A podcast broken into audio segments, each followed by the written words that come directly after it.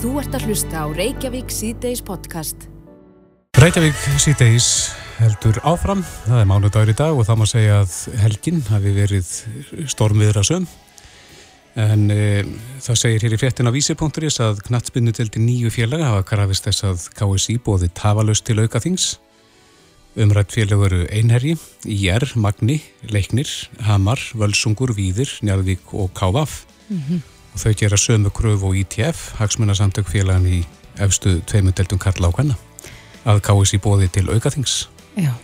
Þessu umfjöllun hófst á greinarskrifum uh, konu og þar sem hún, þessi sko, fyrsti pistill held ég alveg örglega sem hún skrifaði bartitilin um KSI og kvennfyrirlitningu og snerti á ymsum svörtum blettum í knattspyrnu heiminum undanfarin ár og þetta var hún Hanna Björg Vilhjámsdóttir kennari sem að skrifaði þessa grein og hún er á línunni kom til sæl. Hæ, hæ, sæl. Já, þú skrifar þessa grein og, og fleiri til og í raun og veru heldur því fram allan þennan tíma að, að eh, KSI hafi vitað af brotum af hálfu leikmanna. Uh, Já. hvernig hefur helgin verið eftir að í ljós koma að já, þú hafið þér rétt fyrir þér?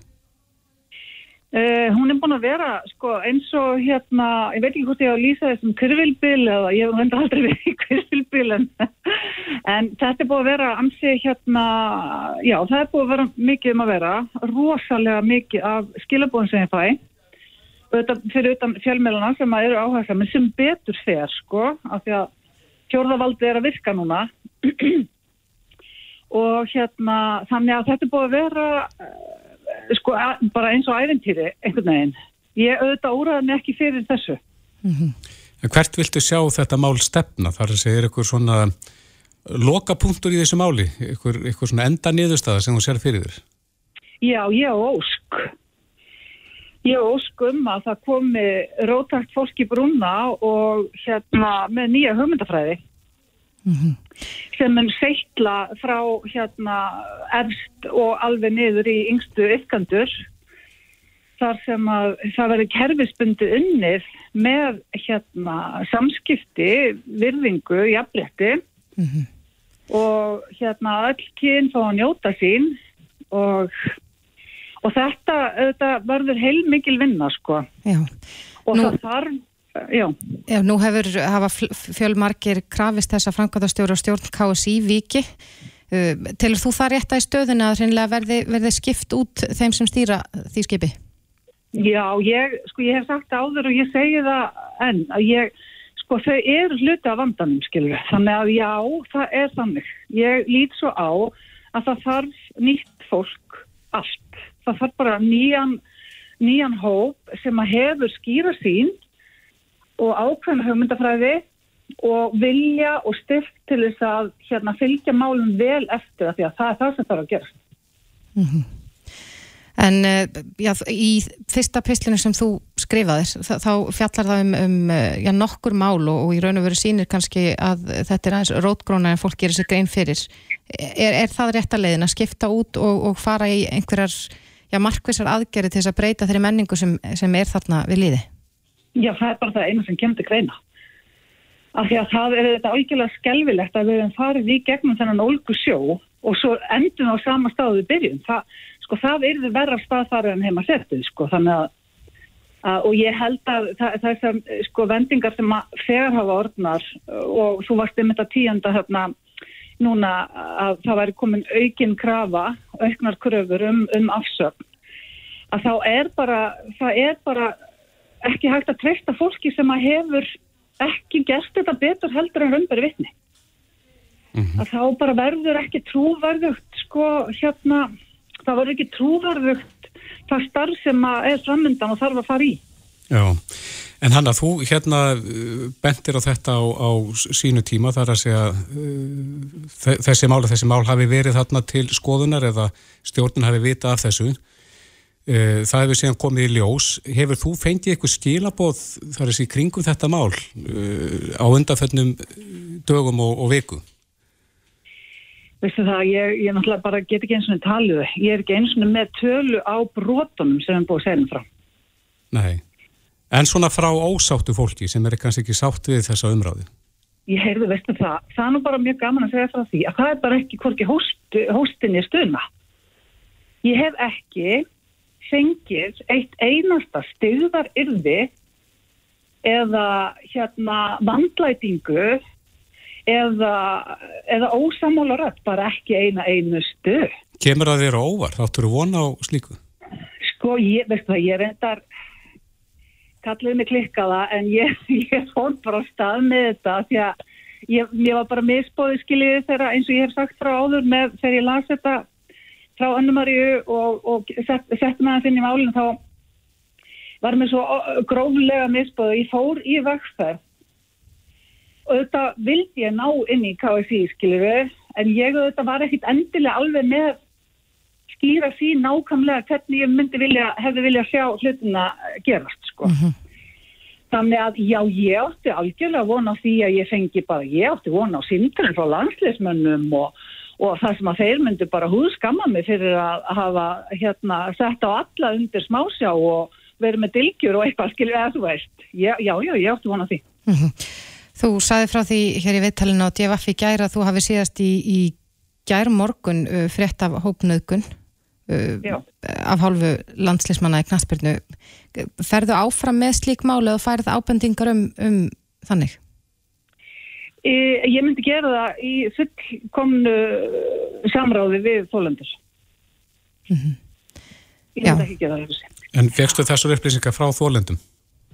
Uh, í, í þessu tilfelli var það móður þólanda sem aðeins landamunni og ég má segja þetta sem ég er að segja núna. Já. Erstu bjart sín á að þessi, já, eins og þú talar um sko, þessi hverjafil bylur að, að þetta muni skila áranguri til langstíma litið bara í, í þessu samfélagsmeini sem, sem sko kynferðsofbildi er? Nákvæmlega, ég, sko, ég er að binda vonur við það og ég mun leggja svo sannarlega leggja mitt að mörgum að, að svo verði og halda áfram að djöflast í öllum mögulegum og ómögulegum til þess að, að, að þetta er bara, þetta er faraldur sem að sem er búin að vera of lengi. Og hérna sásvíkjun og þjáningarnar eru of mikla til þess að við getum haldið áfram að hunsa í skeitingalessi um þólandur kynferðsóbaldis Já. Hanna Björg Viljámsdóttir, kynjafræði kennari þakka þér kærlega fyrir þetta. Takk. Þú ert að hlusta á Reykjavík C-Days podcast. Reykjavík C-Days á bylginu heldur áfram. Við mhm. vorum að enda við að heyra í henni Hönnu Björgu Viljámsdóttur en hún er aldrei búin að vera að berjast uh, fyrir því að ja, að KSI viðurkenni uh, að hafa ekki bröðist rétt við mm -hmm. uh, þegar þau fengu ábyrndingar um kemferðsóbeldi en hins vegar að þá er önnur kona sem hefur staðið í baratu í 20 ár hún hefur barist fyrir því að réttlætinu sé fullnægt í máli dóttur hennar mm -hmm. Áslögar Perlu Kristjánsdóttur sem var myrt með vofeglegum hætti árið 2000 en eh, móður hennar, Gerður Berntsen, er á línunni, kom til sæl. Kom til sæl. Já, Gerður, þú hefur núna í tvo áratugi í Rúma barist fyrir réttlætinu eh, í nafni dótturðinnar. Um hvað Já. er þetta, sagt, hvað er það sem þú vilt fá fram? Ég vil að þetta komi hjá eh, réttinum, sko, bara. Þetta tekið fyrir í hæstarétti. Já. Eða einhver stað, sko. Ég sendi hérna beini til ríkjasaksóknara um endur eftir hvað málinu en fekk neitunni sendi til fæt að sinnum og ég eh, sendi til hérna endur hvað nefndar að sinnum og fekk neitun mm -hmm. Á hvaða grundvelli hefur svo neitun verið gerður? Bara sko það hjá það var ekki ástæða til hjá Ríkisaksóknara hjá endur upptökun en þá var sagt hann hefði ekki verið ákjæðu fyrir nöðgun mm -hmm. Og það er helst ástæðan fyrir ósætti þínu er svo að í dóminum er, er því haldið fram að, að, að maðurinn sem dæmdur var fyrir og sakveldur fyrir morðið hafi ekki nöðgað henni. Það var ekki sakveldur fyrir morðið. En þú telur óeikjandi sannanir fyrir því að, að svo hafi verið? að hann sé sikur Já, um, um, um það Já, um já, já, já Þetta var sko meira meir en lítinn nörgum sko, þetta var sittingurinn mm -hmm. Ég get sagt um það frá sko bara endur endur sögn sko. Já. Að hérna þegar það kom inn í húsið þá hérna fóruð upp í liftinni mm -hmm. og þar komum upp á, hann stjórnaði náttúrulega för og þegar þau kom upp á fór í liftuna og þegar þau komu upp á tíundu hæð þá var hérna enginn voru engar íbúðir á hæðinni mm -hmm. og þau um leið og þau koma út í listinni þá ég stann á hana með opbúslegum offossi og krafti þá náða hann að taka gallast nekkbúksunar niður um hana alveg niður andi á og brauð sylgjuna aðra sylgjuna og síðan hún fjalli gófið og en náða að sparka í hann tvisa sinnum áður en hann hendi sér á hana mm -hmm. og tætti nærbúsunar utan af henni á báðum hliðum hann nærbúsur og svo henda sér á hana og uh, reif nærbúsunar undan henni. Mm -hmm. og tóst að nörga hann tóst að nörga henni. Akkurat, en þú talar um, þú skrifaðir grein hérna í morgunblæði fyrir helgi og þú talar um að það hafi verið nóg af sannagögnum um, um nögunina og já, að söm þeirra hafi nóg. komið fram í hérastómi, en, en var þetta hreinlega bara hunsað á, á þeim tíma sem máli var tekið fyrir? Já, já, það var ekki lítið eitt einasta sannundangögn, það var eina sem að, það var minnst á silkjunni einum yfirheyslum, það var allt saman. En Gerður, fegstu, fegstu stýringu á því af hverju liti var fram hjá þessum gögnum? Nei, ég fekk hef aldrei fengið neina stýringu. Ég hef bara sagt, sko, hann er í, í endur upptökun enda og sagt bara hann hefði ekki verið ákjæðu fyrir nögun. Mm -hmm. En í þessari grein þinni, Gerður, þú ert að kalla eftir aðstóð. Viltu vekja aðtekli á málinu til þess að já, það verði rannsaka á nýja eða viltur hennilega bara máli verði endur upptekið í, fyrir dómi? Ég vil að verði endur upptekið og náttúrulega viðkent hvað var gert. Mm -hmm. En Gerður, þú hefur helgað lífðitt því að ná fram þessu réttlæti fyrir dóttuðina. Já. Og við hefum hertið þér áður í, í viðtali og þetta hefur verið laung, laung þrautakanga fyrir þig. Já, skjálfið. Og vantarlega tekið það mikinn toll. Já, svakalega sko. Já.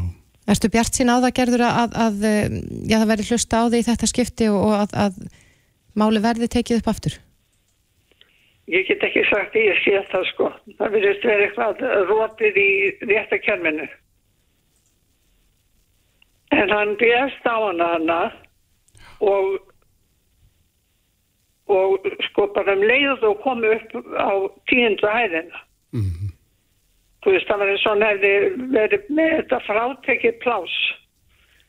Þú veist, hann, hann er upp á tíndu hæð og hann áttuði stjórnaði förinni og hann vonum tósta nörgani og hún barðist alveg svo ljónamóti og en að, að hún tóst þess að það nörgani en svo barðist hún áfram. Og í lókinn þá hérna mista líminn úr legungum hennar. Og þá var hann brjálaður því hann hatar hvem fór sem að besta mótið sér. Og hann hérna róta hann hýlt hann í ennið þannig að hún misti meðutund og hérna hann var ekki lengi að hugsa sem hann ætlaði sér að myrðana hann ákvörðan að myrðana fara með hana inn í það sem að salinnar eru og það og uh, hann bar hann að þanga sko. Mm -hmm. og laði hann að þar á handið laði hann á magan og þessu yfir, hún, sko, hún rangaði við sér þegar hún var komið þarna og rak upp skjelvingaróp en hann ítti nefið Það er hæðilegt að heyra þessa frásökgerður. Já, þetta er, ég er búin að lesa þessar, þessar lauruglu skýstu út og inn og, og þetta, þetta er bara, sko, og hann, hún var bandi að hæstarétti fyrir að hafa haft samfari við hann í svalinnar hjá svölunum. Mm -hmm. En þú best áfram 20 árum síðan rúmum fyrir réttlæti í þessu máli. Gerður Berntsen, það... takk kærlega fyrir að já, segja okkur þess, þína sögu. Og gangið þið vel. Já, takk ykkur kærlega fyrir. Bless, bless. Og takk fyrir mig. Bless.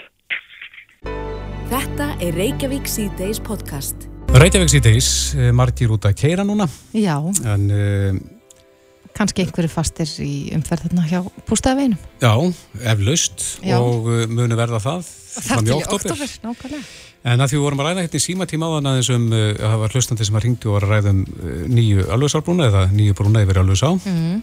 Þá fekk ég hérna stílabóð og að því að maður að tala um það að það átt að byrja brúni. Mm -hmm.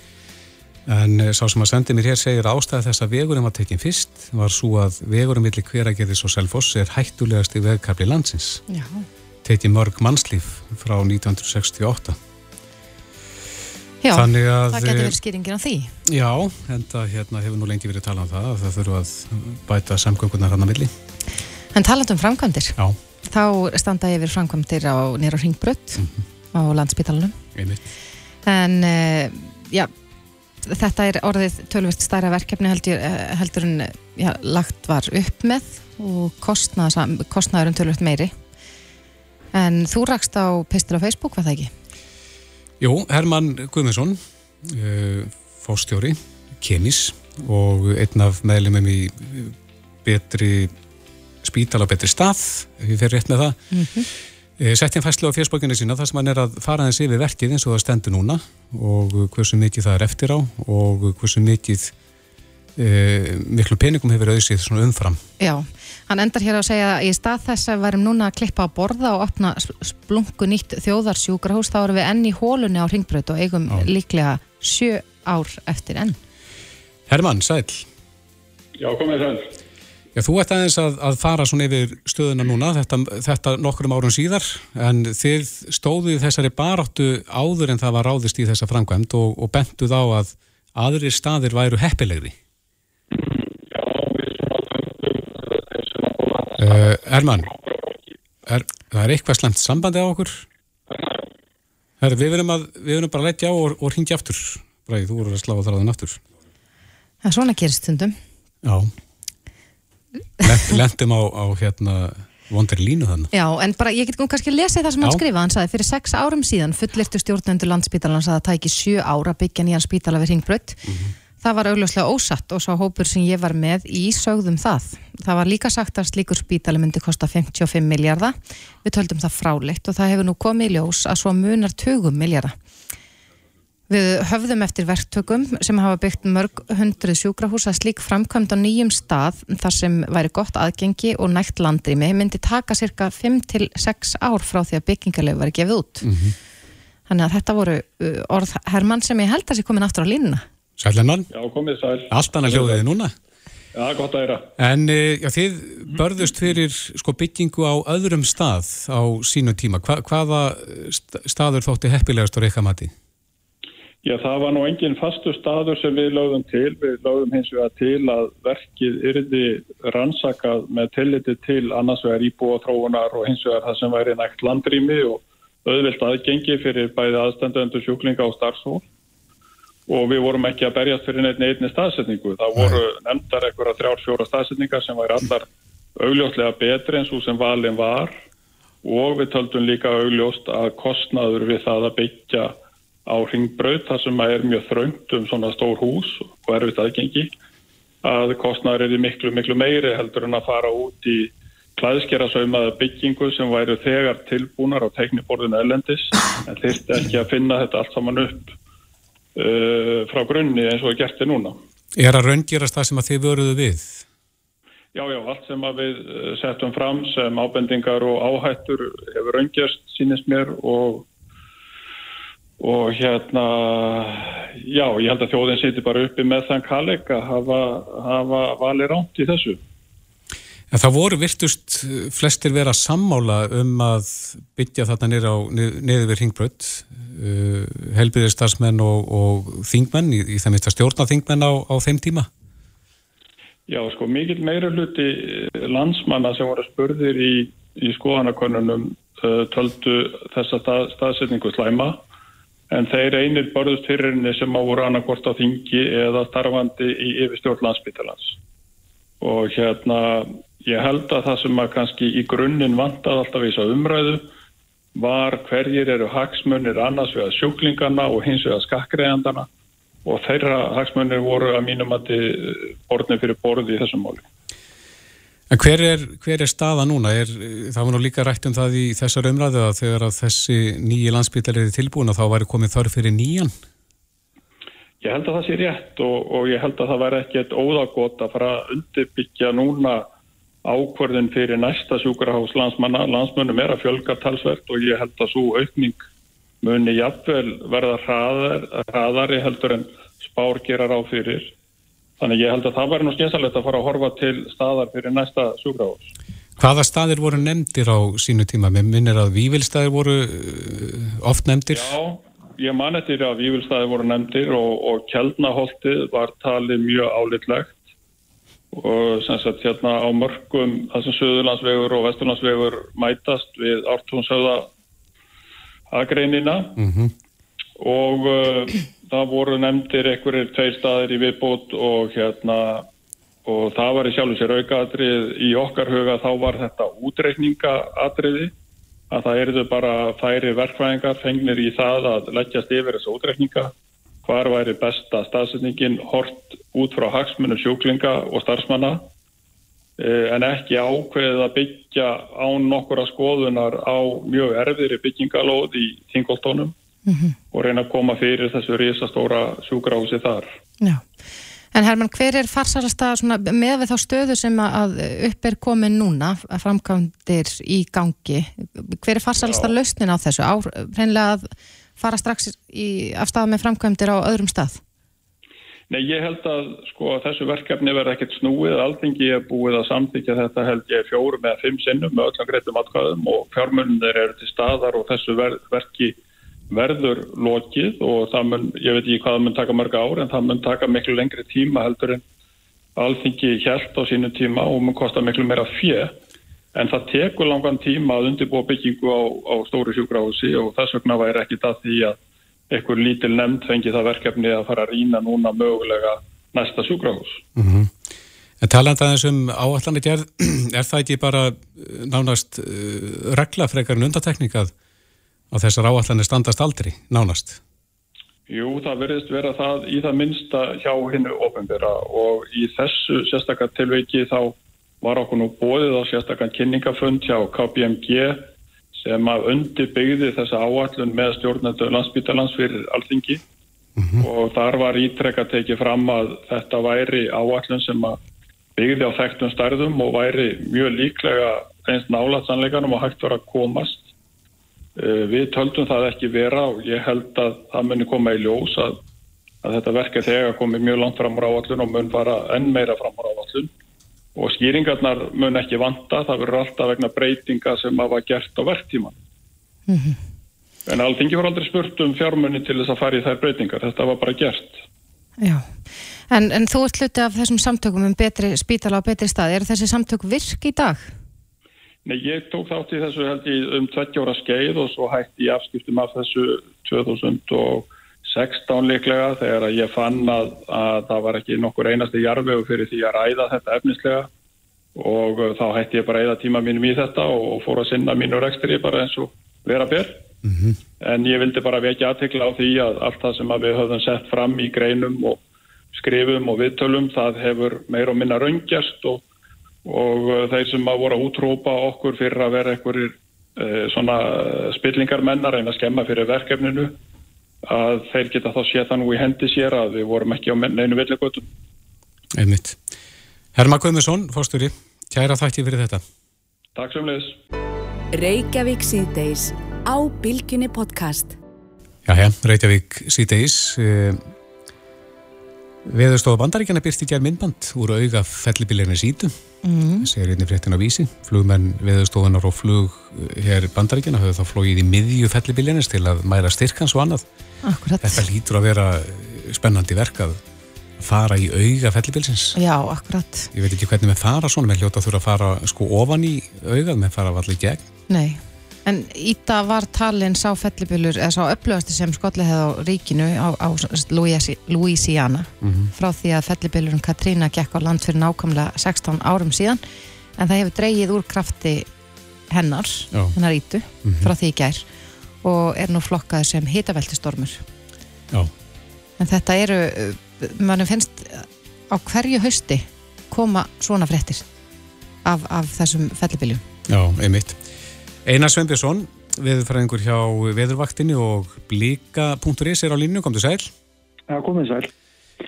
Já, þessi fyrirbæri fellibilir, við heyrum náttúrulega eh, nánast reglulega frettir af þessu, þetta er ástíðabundið, en er að verða eitthvað breyting á? Er þeir stærri eða örari eða? Já, sko, fellibilatímin er einmitt núna, hann mhm. er, hann álgast hámarspunni byrjun september, hann stendur frá því júli og fram í oktober og, og þessir upplúgustu mest af þeim er svona eins og segja frá því loka ágúst og, og, og út september. Þá er, þá erum við að tala um atlasafsfellibiljuna en þeir eru líka uh, skæðir á kirrafin og koma þá á, á öðrum ástímum en, en sko fyrst að því voru að nefna þessar uh, þetta konunaflug sko það sem að mhm. er, er, er í raun og veru það er farið, það er alltaf gert þegar að fellibilju stefna á bandaríkinn og stundum á eigarnar í Karabíhafinu þetta er oftast gert það er sérstök vél sem er hannu til þessa og hún flýgur mjög hátt og inn í auga getur við sagt. En menn far ekki gegnum bílinn sjálfan eða fara menn Nei, ekki, ekki svona neðan til allavega. Svo, svo, það dregur nú úr vindunum ofar sko. Mm -hmm. mjög, mjög hátt þeir ná nú alveg upp í 15-18 km hæð. Og þessi, þessi, þessi strokkur sem myndar þá og það er inn í auganu er, er varpað líka mælitækjum og það er gert, eða látum falla og það er gert til þess að kanna til dæmis uh, þrýstingin í miðjunni sem segir mikið til um styrkin já, já. og ótróð því þá, þá vega menn og metta vintraðan og, og þessi fellibilur hann, eh, hann náði á því að verða 930 hektopaskur í miðjunni rétt áður en hann gekk á land og var flokkaður sem fjórðast í fellibilur Hvað, hvað segir það, þessi tala náttúrulega segir okkur lítið hérna, er, er metrar á sekundu, ertu með það? Já, sko, það er, svo er nú alltaf vindmælingar í kringum það er nú yfirleitt er það kliður eða tvekja mínúta vindur sem við erum ekki vönum áta hér. Nei. Það var á einhverjum við vitað, einhverjum útkjálka þarna í, í fylkinu, þá e, mæltust 70 til 80 metrar á sekundi í kveðum í, í gerðbóldi, uh mhm. -huh. svona um það byrjum sem að gerð á land og í New Orleans var mest í meldi vindræði í kviði 40 metrar á sekund mm -hmm. það er svona það sem ég fundið á netinu í dag eh, hérna um þetta. En, en Katarína held ég hafi verið upplúri sko, hún var dýbri þegar hún gekk á land og hún kom, og kom, og, hérna, kom meira aftan á mönnum og meira óverum, hún var líka aðeins austar, allir meiri flóðum inn í New Orleans. En, en það sem gerist þegar að loftrýstingur fellur svona og og, og fellibílun ítir á undan sér öllu sko það að gengur sjóra á land en Mississippi fljótið sem að rennur hérna til sjáar um, um lálendið að það kemst ekki sína leið þannig að það hækkar í því og það hækkar um rúm og tvo metra og fór að renna tilbaka að hluta mm -hmm.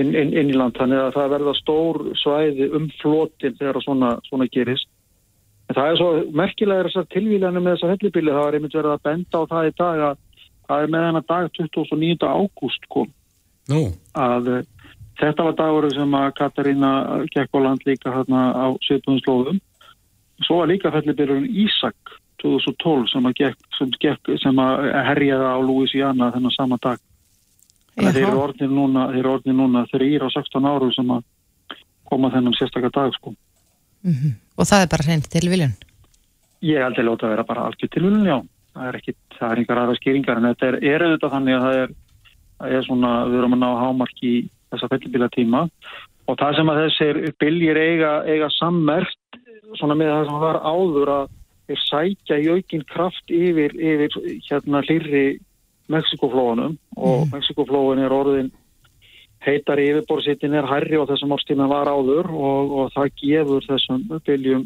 meiri kraft. Þannig að jafnaði þá eru þeir, þeir upplúri. Já, maður heyrir á, á hverju ári af, af þessum fettibyljum þarna í, í Norður Ameríku. Á maður að búast við því að þeir verði starri og upplúri á næstu árum?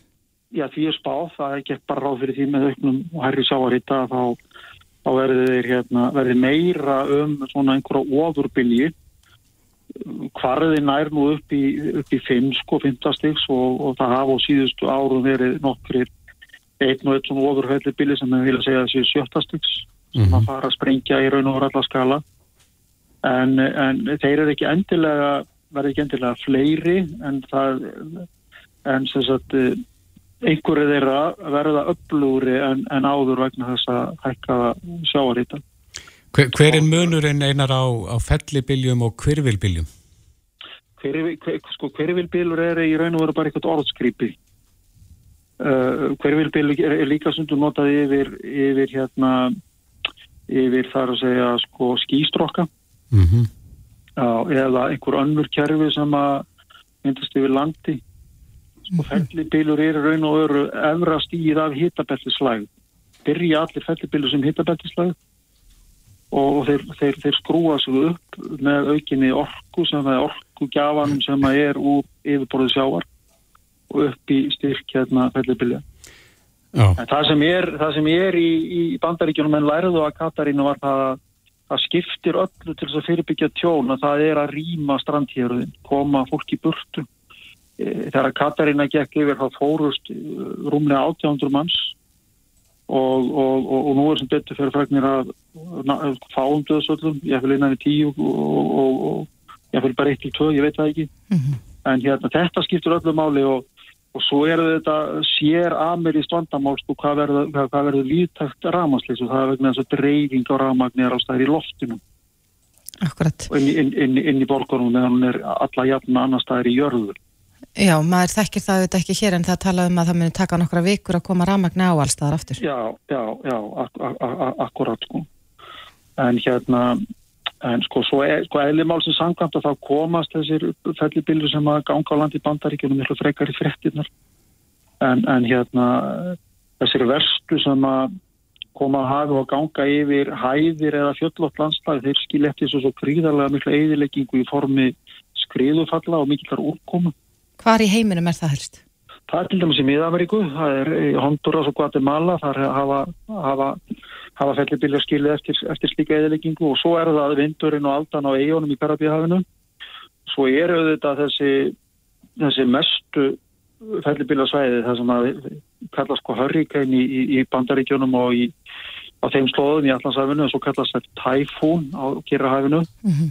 og, og, og það svæði sem að þessi fyrirbæri herja hvað verst og mest á eru Philipsæðar og, og það ratar nú bara ekki alveg í frettisundum hjá okkur eða svona, það er svona neðamáls, neðamálsfrettir þó að þessi gríðarlega öflug veður sem fara yfir með mikil eðilegning mm, En þannig bandaríkjum er þetta alltaf að fara inn á sama stað eða?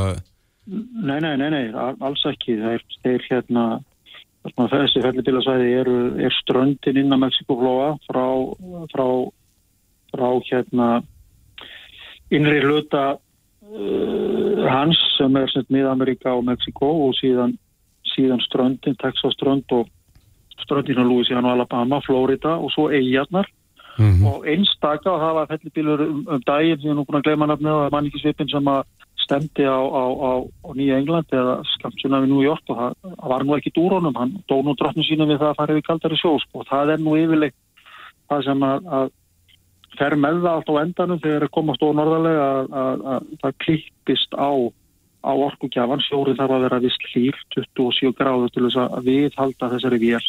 Og þess vegna veikjast er líka mjög hratt þegar það komast komin yfir land. Einmitt. En taland um rók uh, ef við færum okkur hingað heim, svona rétt í lokin uh, það er eitt fyrir bara sem við búumst alltaf við það eru haustlaðirnar uh, hvenar eigum við vona á slíkum? Já það er nú ekki alveg komið inn í, komið inn í spátnar, slíkar er nú ekki komið inn í spátnar en það, er nú bara spáð ágættisværi, það er mikið háþristisvæði sem er hér viðlóðandi suðausturundan sem stjórnar hér veðriðin og það er óunnulega öflugt og, heldur og heldur öllum læðum frá og bæjirðum frá. Þannig að, að það er einhverju dagar í, í, í, í fyrstu alvöru höstlæðina sem myndast upp úr köldur lofti sem er, er, er, er ættað af, af norðuhjöranum og byrjað að kólna þar Já, þannig að er höstið ekki komið einar? Endar þetta með einnig slíkri sko. Já, og fyrir um í kjólfarið, við þekkjum það. Já, fyrir rest, hvað kemur þetta? Fyrir rest, já. Einar Sveinbjörnsson, takk kærlega fyrir þetta. Takk, takk samanleðis Reykjavík síðdeis á bylginni Reykjavík síðdeis á bylginni heldur áfram. Eh, það stittist svo sannarlega kostningar innan við mánuði til stefnu. Já, við hefum verið að fá formenn flokkana til okkar sem að, já þeirra flokkar sem hafa verið að sína svolítið eins og ég hef sagt oft í dag, sína spilin. Já, hún segði það nokkur sinnum. Kynna sínar áherslur. Og hingaði komin Þorgjur Katrín Gunnarsdóttir formaður viðrestnar, kom til sæl Sælverði Já, þið voru með landsting um helgina? Já, við vorum með framhalslandsting hjá okkur og, og við höfum ekki látið þessa veiru, veiru drjóla stopp okkur og, og við heldum fyrirpartin í, í vor í hörpu og það er endur nýja fóristan uh, umbósitt pausum upp á það að, að græsótin fái tækifæri til þess að, að, að kjósa fóristu og þrátt fyrir þetta ástand þannig að við, við heldum það í vor og síðan held, heldum við núna á lögadaginn landstingið um, um uh, málefna áhersluðnar okkar og, og það sem við viljum að verði, verði horta á og þá náttúrulega er flokkurinn að horfa mjög til framtíðar. Að reyna að, að leggja áherslu á það að, að vekja kjósinda til vitundur um það að það er tækifæri núna til þess að kjósa okkur frá kyrstöðinni um, Hvað þýðir það? Það þýðir, sko þessi ríkisjóðn þetta eru sóma fólk og allt það í henni en þau voru að tala um stöðuleika í mínum huga þessi stöðuleiki sem að ríkisjóðnin býður upp á hún er einfallega uh, kyrstaða ef að þið sjáu bara tillögur okkar frá viðrist allt kjörtífanbilið um til dæmis að uh, komið tillögur sem að uh, dragu bygglistum, hætta að senda fólk til svíðþjóðar, þjónustu væða helbriðiskerfið, það eru allt verið fælt þess vegna er svolítið komist að sjá einhverja flokka núna að vera að kenna sig eða vakna til vitundur um það að það þarf að breytur um áherslur í, í helbriðiskerfinu. Mér finnst þetta allavega stöðnun og jafnvel afturfur í helbriðismálum. Uh, við erum að sjá tilugur okkar í viðrisnar stráfeldar eða, ekki, uh, eða minnstakosti fáum við ekki að ræða þar að hluta til eins og í sjáurútvi. Það sem að er bara einmitt nákvæmlega kistaða eða varstaða um sérhagsmenni. Það má ekki tala um það að tímabinda samninga við útgerðamenn sem er gert við alla sem að nýta sameigilega auðlundi þjóðarinnar. Það má gera það allstaðar, annar staðar bara ekki í sjáarútvi.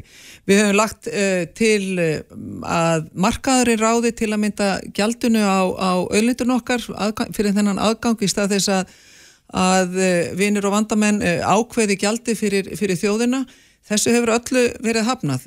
Þessi stóru grundvallar prinsipmál og síðast en ekki síst að þá erum við að tala um ríkisjóð. Ríkisjóður er, hefur verið skuldsettur mjög. Við höfum að hluta til stutt það en, en þau ákvaða að fara í það sem að við vorum mjög á móti að taka erlendlán. Það þýðir gríðarlega gengisóvisu fyrir ríkisjóð. Það þýðir gríðarlega vaksta, uh, mikið vaksta álag á ríkisjóð og hverjir er það sem greiða það? Það er endanum náttúrulega bara fólkið Jón og Gunna og fyrirtækin, ekki síst litlu fyrirtæki sem, sem borga þennan kostna sem að hlýsta krónu, okkar þungavíkt og það kom alveg mjög skilt fram á, á þinginu, að við þurfum að fara í það að fara frá þessum flögtandi gjaldmeil sem krónan er í og að taka að minnstakosti fyrsta skrefu og tengja hana við efri eins og til að mynda Danir hafa gert með góðum árangri. En það er eitt af akkurat þeim málun sem að þið já. Já, eru með á, á ykkar stefnusgrá og það er að, að já, ganga í Európa-sambandið. Já, það er á stefnusgrá flokksins. Við gerum okkur grein fyrir því að það mun taka ákveðin tíma og þess vegna höfum við uh, til að mynda að breyta stjórnarskrona og það er eitthvað sem líka talandi stöðunum og, kyrstöði, það er líka gott aðeins það sem að þessi ríkisjónaflokkar eh, síndu mjög vel á spilinum. Þau vilja ekki neitt uh, breyta stjórnarskrona sem veitir þjóðinni heimild til að kjósa um, um það hvar við viljum vera í alþjóðarsamskiptum eins og til með þessi Európusambandinu Ríkisjónaflokkarnir stoppuðu auðlinda ákvæði sem hefði haft einhverja þýðingu um það að tryggja þjóðuregnuna þannig að það er líka dæmið um um þessa kistuðu en já við viljum uh, stefna því að, að ganga í Európusambandi en, en við gerum okkur grein fyrir því að það tekur tíma. Og þess vegna höfum við í rauninni bent á það að, að við viljum bara bjóða upp á þessa líðræðisveislu og hvernig, hvernig gera síðaðar þjóðir, hvernig gera það út um sín mál. Gera það með samningum og gera það með kostningum. Og hvað er viðrisn að segja? Bjóðu þjóðin upp á það að taka ákvörðunum það um hvaða skref við um að taka í, í, í þessum málum. Hvort við um að halda áfram við honum. Og ef þjóðin segir já, að þá ætlum við að semja við Európusambandið um, um, uh, og það er gegnsætt ferli og að lokum þá með þjóðin aftur kjósa um samning.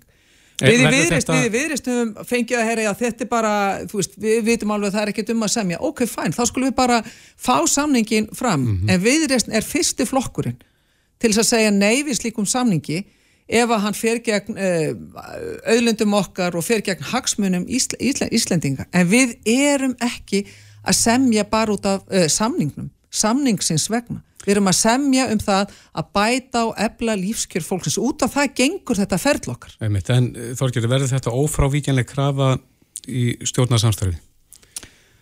Það er allavega ljóst að það sem að við erum að segja að er, við erum í rauninni þegar byrjað að setja frá málamilunum. Þannig að þessi framsetning okkar um það að þjóðin fá kjósum framald viðrana, það er má, málamilun á mínu mati, málamilun sem að aðri flokka verða þá að taka afstöðu til. Já, þess vegna segi ég, sko, þess vegna segi ég, talandum að því það er alltaf verið að, að, uh, vara við vinstristjótt sem að ég að mörguleiti get tekið undir. Núna þegar við sjáum fram á enn fleiri flokka inn, í, inn á þingi með sósélistaflokknu þá er raunverulega hætta á vinstristjótt en það er líka, vil ég vara við, það er hætt á því að við fáum hérna úldra íhalsa hægristjórn, ég vil líka vara við henni. Og báðar þessar stjórnir muni ekki velja á máls á því að, að ebla okkur í alþjóðasamstarfi. Þessna segi ég, ef við eigum að finna einhvert flött og íta þessum málum áfram, þá þurfum við að styrkja hérna frjálslindu miði. Verður þetta ófrávíkjanlega krafa að það verði þjóðaratkvæðgræslum áframaldandi aðaldið? Hún verður mjög ofarlega þessi krafa að því að við teljum að þjóðin Í, við hvað erum við hrætti, Kristófur? Alltaf þú að segja mig það að þessi hættulegt fyrir þjóðin að velja þá hvort hún haldi áfram aðelda viðraðan við Európa-sambandi. Ég ætla ekki að, að segja það. Er, nei, það er nefnilega, þú veist, við hvað er fólk hrætt að sjá samningin? Við hefum úrvals uh, samningafólk sem að er sko fram úr skarandi á, á þessu sviði þó að auðryggisráður og aðstofamæður hans treysta sér ekki í alþjóðsamninga að þá erum við enga síðan með öflug og auðryggisþjónustu við erum með fólk víða að úr í, í hinnum alþjóðaheimi sem er reyðibúð til að aðstofa okkur við að ná besta hugsalega samningi fyrir Íslendinga sem að snýstu um það að bæta lífskjörun okkar og gera þau samkeppnishæfari heldur en þau eru í dag. Og þá eigum við að treysta okkur að fara í það ferli.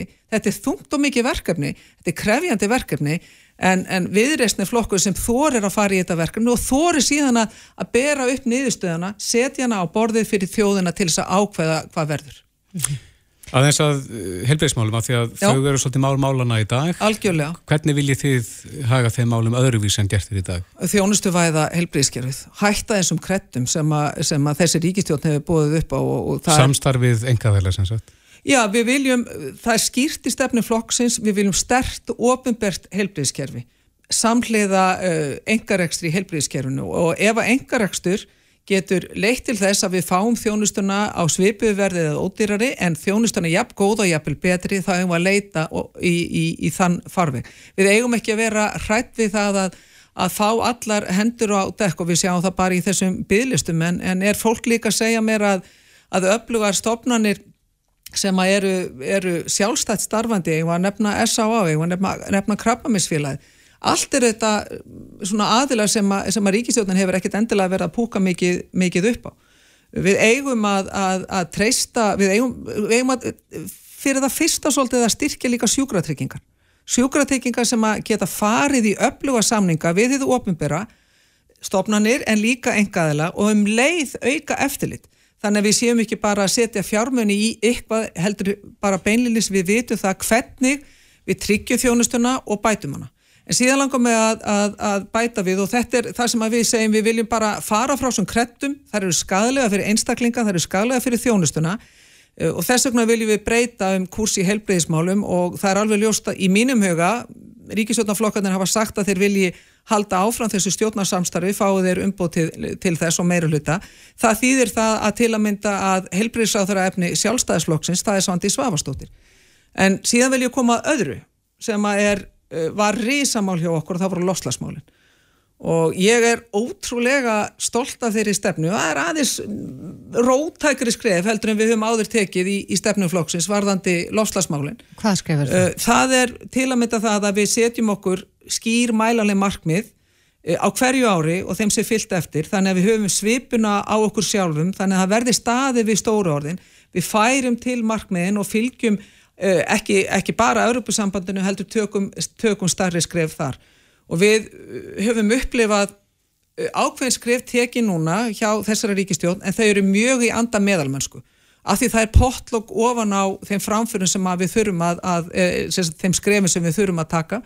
Þannig að ég er mjög stolt af þeirri stefnu sem við höfum verið að tala um til þess að, að, að gera okkur já, gild í þessari lofslags umræðu og, og þess vegna er það fagnarefni að bæði við en ég held líka fleiri flokkar er að bæta sig í þessu en, en, en þarna, þarna tók líka það var rosalega dýnamíka á þessu þingi þráttur að það væri rafrænt en, en mér fannst mjög mikið sko, þakkarefni og virðingavert að, að unga fólkið tók svolítið yfir hana og, og hérna saði hingað ekki lengra þegar eh, voru, þú veist, það eru skiptar skoðanir, það er, að hluta til er þetta líka svolítið kynsluða áherslu mm -hmm. og það er allt í lagi að viðkjanna það.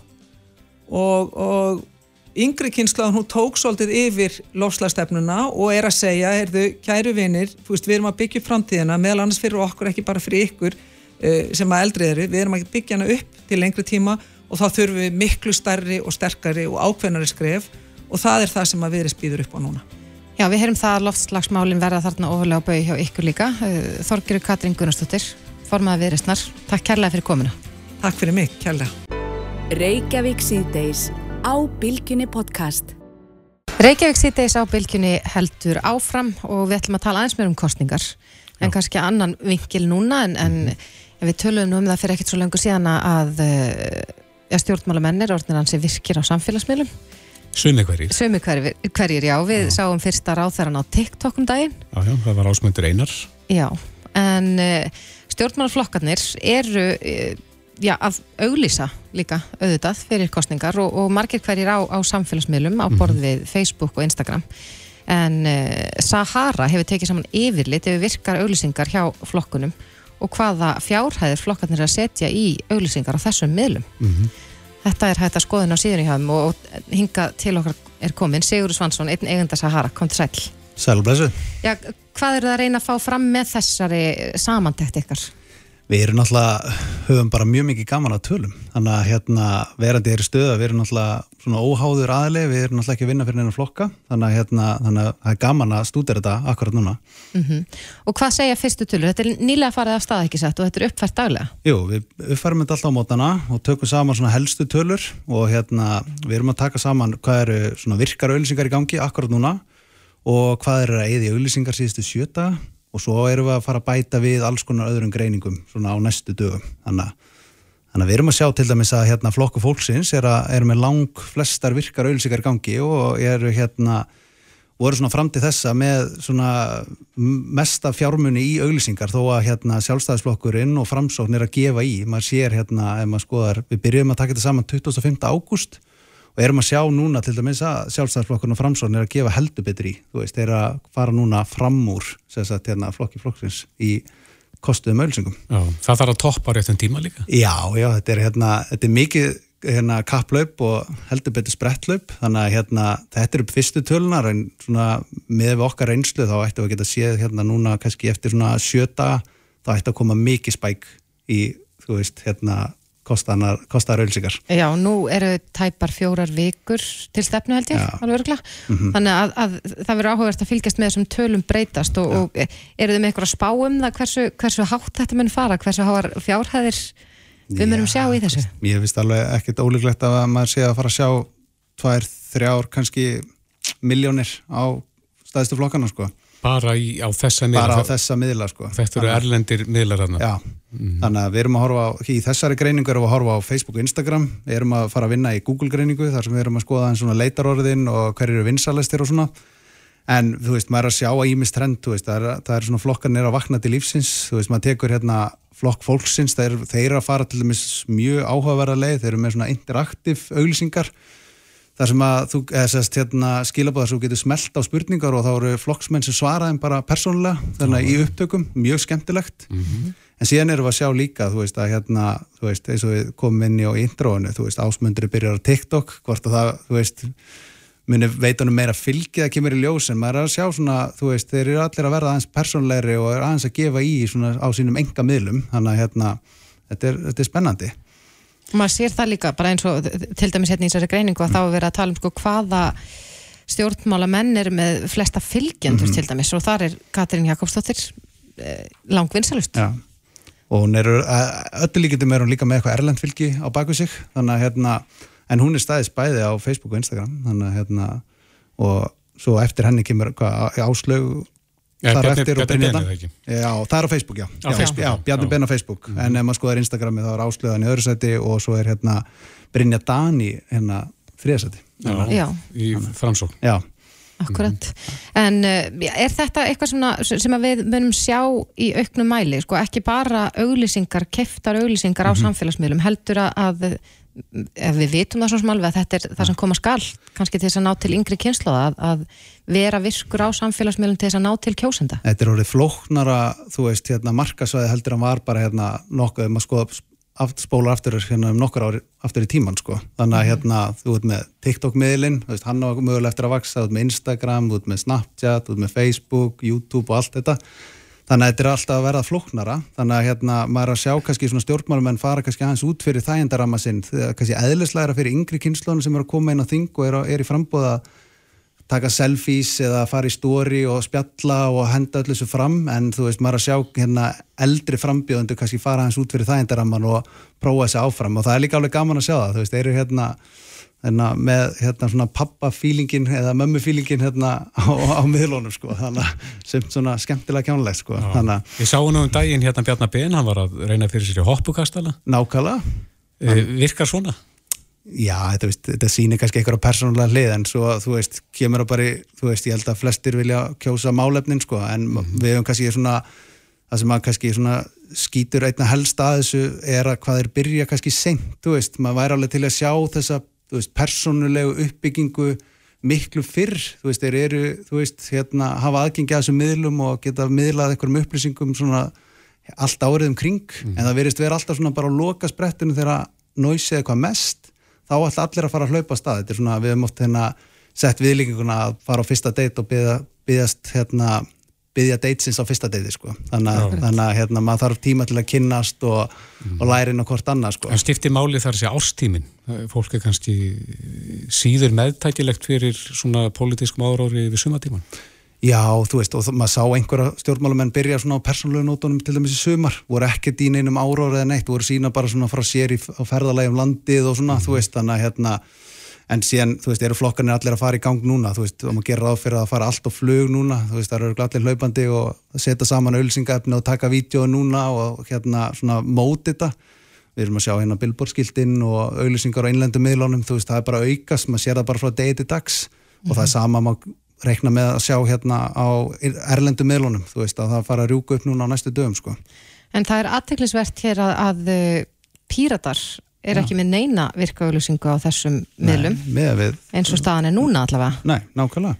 Ætla þetta sé skilabóð frá þeim að ætla ekki að, að verja fjármununum í, í erlenda miðla eða verið, sko. þetta rýna eitthvað eða? Ég maður þá bara að fara að heyri þeim þannig að hérna, við erum bara rétt byrjað að taka þetta saman en ef ekkert verið að gerast á næstu sjötum þá kannski fer maður að spyrja það brútið þannig að það er áhugavert. Já, en þessar tölur uppfærðar daglega, daglega og, og þannig er þetta að fylgjast með bara í rauntíma hvað flokkarnir er að, hvar þau er að, að eigða ölsingafénu. Svo ætlum við að taka saman hvað hérna hvort þessi að bæta við þessu ykkur fylgi og svona, þannig að hérna, hérna við hlöðum inn einhverju skemmtilegum upplýsingum næst, á næstu dögum. Já, við höldum áfram að fylgjast með því. Sigur Svansson, einn eiganda Sahara, Já. takk kærlega fyrir komuna. Takk kærlega fyrir mig. Hlustaðu hvena sem er á Reykjavík C-Days podcast. Við höldum áfram hér í Reykjavík síðdeis. Ég hef vorðið vör við eh, mikið af auglýsingum frá Björgunarsveitum. Þar sem ég verið að auglýsa eh, svona nýlega námskeið og, og, og nýlega já, verið að byggja fólkum að koma og taka þátt í þessu mikilvæga starfi. Já. Eh, eitt af því sem ég sá auglýst var nýlega þjálfun hjá flugbjörgunarsveitin í Reykjavík en mér skilta þetta taki heilt tvö ár. Á línunum til þess að ræða þessum mál er Magnús Viðar Segursson hjá flugbjörgunarsveitin í Reykjavík. Komdu sæl Magnús. Já, komið sæl. Já, er, er þetta rétt hjá mér? Tekur það tvö ára að, að, að þjálfa sig til þess að taka þátt í eitthvað starfi?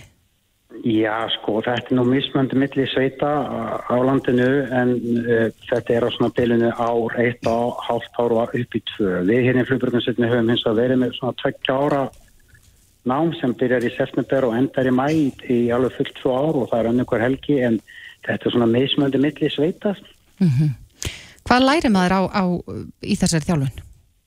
Já, við náttúrulega byggjum okkar uh, kennslu á Björgunarskóla Landsbergar sem hefur síðan sláður verið að hérna, gera sagt, kennsluna ótrúlega fælega og en fyrst og reynst erum við náttúrulega einblina við byrjum á því að kenna fólki bara að klæða sig á fjöllum og, og hvernig átt að haga þeirra í fjöllum í alls konar uh, aðstæðum og, og, og rötum og síðan svona þegar við erum búin að fara í gegnum svona grunninn og þá er, er þetta leitatekni og skyndihjálp og sprungubjörgun og, og, fjallabjörgun. Og síðan höfum við náttúrulega líka um að flesta sveitir hafa mikið að tækjum og tólum til þess að vinna með og við kennum umgangi kringum þær og, og alls konar svona uh, hluti sem að fara að hafa reyni sem björgunum er, samskipti og, að, aðgeragrunnur og þetta er helja mikið nám sem að fara að fara í gegnum. Já, þið eru flugbjörgunarsveit, eh, lærir fólk að stökk út úr flugulum? Hey, sko, flugbrögninsveitin í Reykjavík er eina sveitin sem býður upp á fattjöfastökk og, og hérna og það byggir nú að gammallega hefð frá því bara 1950 þegar við, við stopnum þessa sveit. Er þið undanfarar? Nei, undanfarar er bara samlefnara yfir fjallabjörganarhópa á ymsum sveitum á ymsum sveitum á landinu. Mm -hmm. Mm -hmm. en, eh, við erum bara, við, við fljóðbrökninsveitin Reykjavík er einnig bara einu af hundra sveitum undir, undir hatti landsbergar. Akkurat. Hvers slags kröfur eru gerðar fyrir þá sem að vilja sækja um í nýlega þjálfununa? Já, það eru rauninni yngar kröfur annað en að vera hérna orðin 18 ára á árunni sem þú sækir inn og vera með eh, reynd sakavottorð það er rauninni einu kröfuna sem við, við byggum um sko. Þannig að það er ekki gerð krafa um einhverja, einhverja reynslu af fjallamennsku öðru slíku? Nei, svo síðu síða sko, þannig að við erum bara eins og allar sveitir, þá erum við að leita bara alls konar fólki með alls konar reynslu og öllum stegum þjóðfélagsins og, og, og þetta er bara menn, menn spyrja mikið um svona líkamlega getur þar maður að vera með það en það er engar kröfur um slíkt og, og en við veitum gegnum tveggjara nám þá náttúrulega svona í ljósi að þú ert mikið að fjöllum og mikið svona að, að reyða þig að þá kemstu óanetilega í bara í ágætis form sko en við erum ekki með einar líkamlegar gröfur. Nei, er eitthvað sem að einkennir björgunarsveitamenn? Svona einhver karaktereinkenni? Já, ég segi nú að ég með þessi, ég, hef nú tekið að mér halda nýlega kynninga fyrir flugbröðinsinni, þetta er bara fólk eh, sem eru bara nördar sko.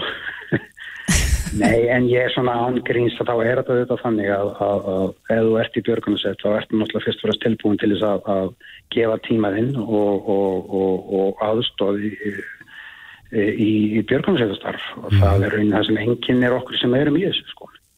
Akkurat. Þetta, sjálf, þetta sjálfbúðaliða starfa sem eru grunnurinn af, af, af því að öllum þessum starfi sem sveitinar eru um all land og byggjar á gammalli grónir hefð sko. Mm -hmm. Er, er algengt að fólk byrji í, í svona þjálfun og, og já, klára hana ekki? Er, komast allir að sem vilja til dæmis? Já, sko við, sko flestar sveitir á Storrögjöksvæðinu búa við þann kost að það eru margir sem sækjum og við setjum svona eitthvað ákveðnar e, mætingaskildu á okkar fólk í nýlastarfið. Mm -hmm. e, þannig að Eh, við segjum við okkar fólk að ekki vera að koma í, í nýlega starf og byrja í björgunsveitni og tilbúin til þess að starfa sem björgunsveitna maður og kona og hérna við leggjum upp með það og viljum bara sjá að fólk séu tilbúið til þess að, að, hérna, að, að vera dögulegt í, í, í náminni og sjálfunni vegna þess að þetta, þessi, þessi kennsla og þessi þjálfunni er á hendum fólksins í sveitinni og, og þetta ferir mikil tími í þetta sko. Já. En fyrir þá sem eru áhuga samir um ykkar starf og, og jafnvel vilja ganga til leðsvið ykkur eða reyna það í, í það minnsta, hvar nálgast það upplýsingar? Já, semst það er náttúrulega á bara landsbjörg.is og síðan eru allar sveitir bara landinu með sínar heimasíður en við erum með fljóðbjörgunarsveitin.is og þetta bara liggur á netinu og, og ég segi bara að er að koma í björgunarsveit. Þá endilega finnir sveiti ykkar heima hér að eða nála til ykkur og bara koma nýlegakinningu og, og taki þátt í þessu útrúlega starfi. Einmitt. Magnús Viðar Sigursson hjá flugbjörgunarsveitin í, í Reykjavík. Við klúna sem flestir síni þessu áhuga að það er að viðhalda mannskapnum. Kæra þakki fyrir þetta. Já, takk samanleis og takk fyrir að hafa sína sáða Takk, takk Þetta er Reykjavík C-Days podcast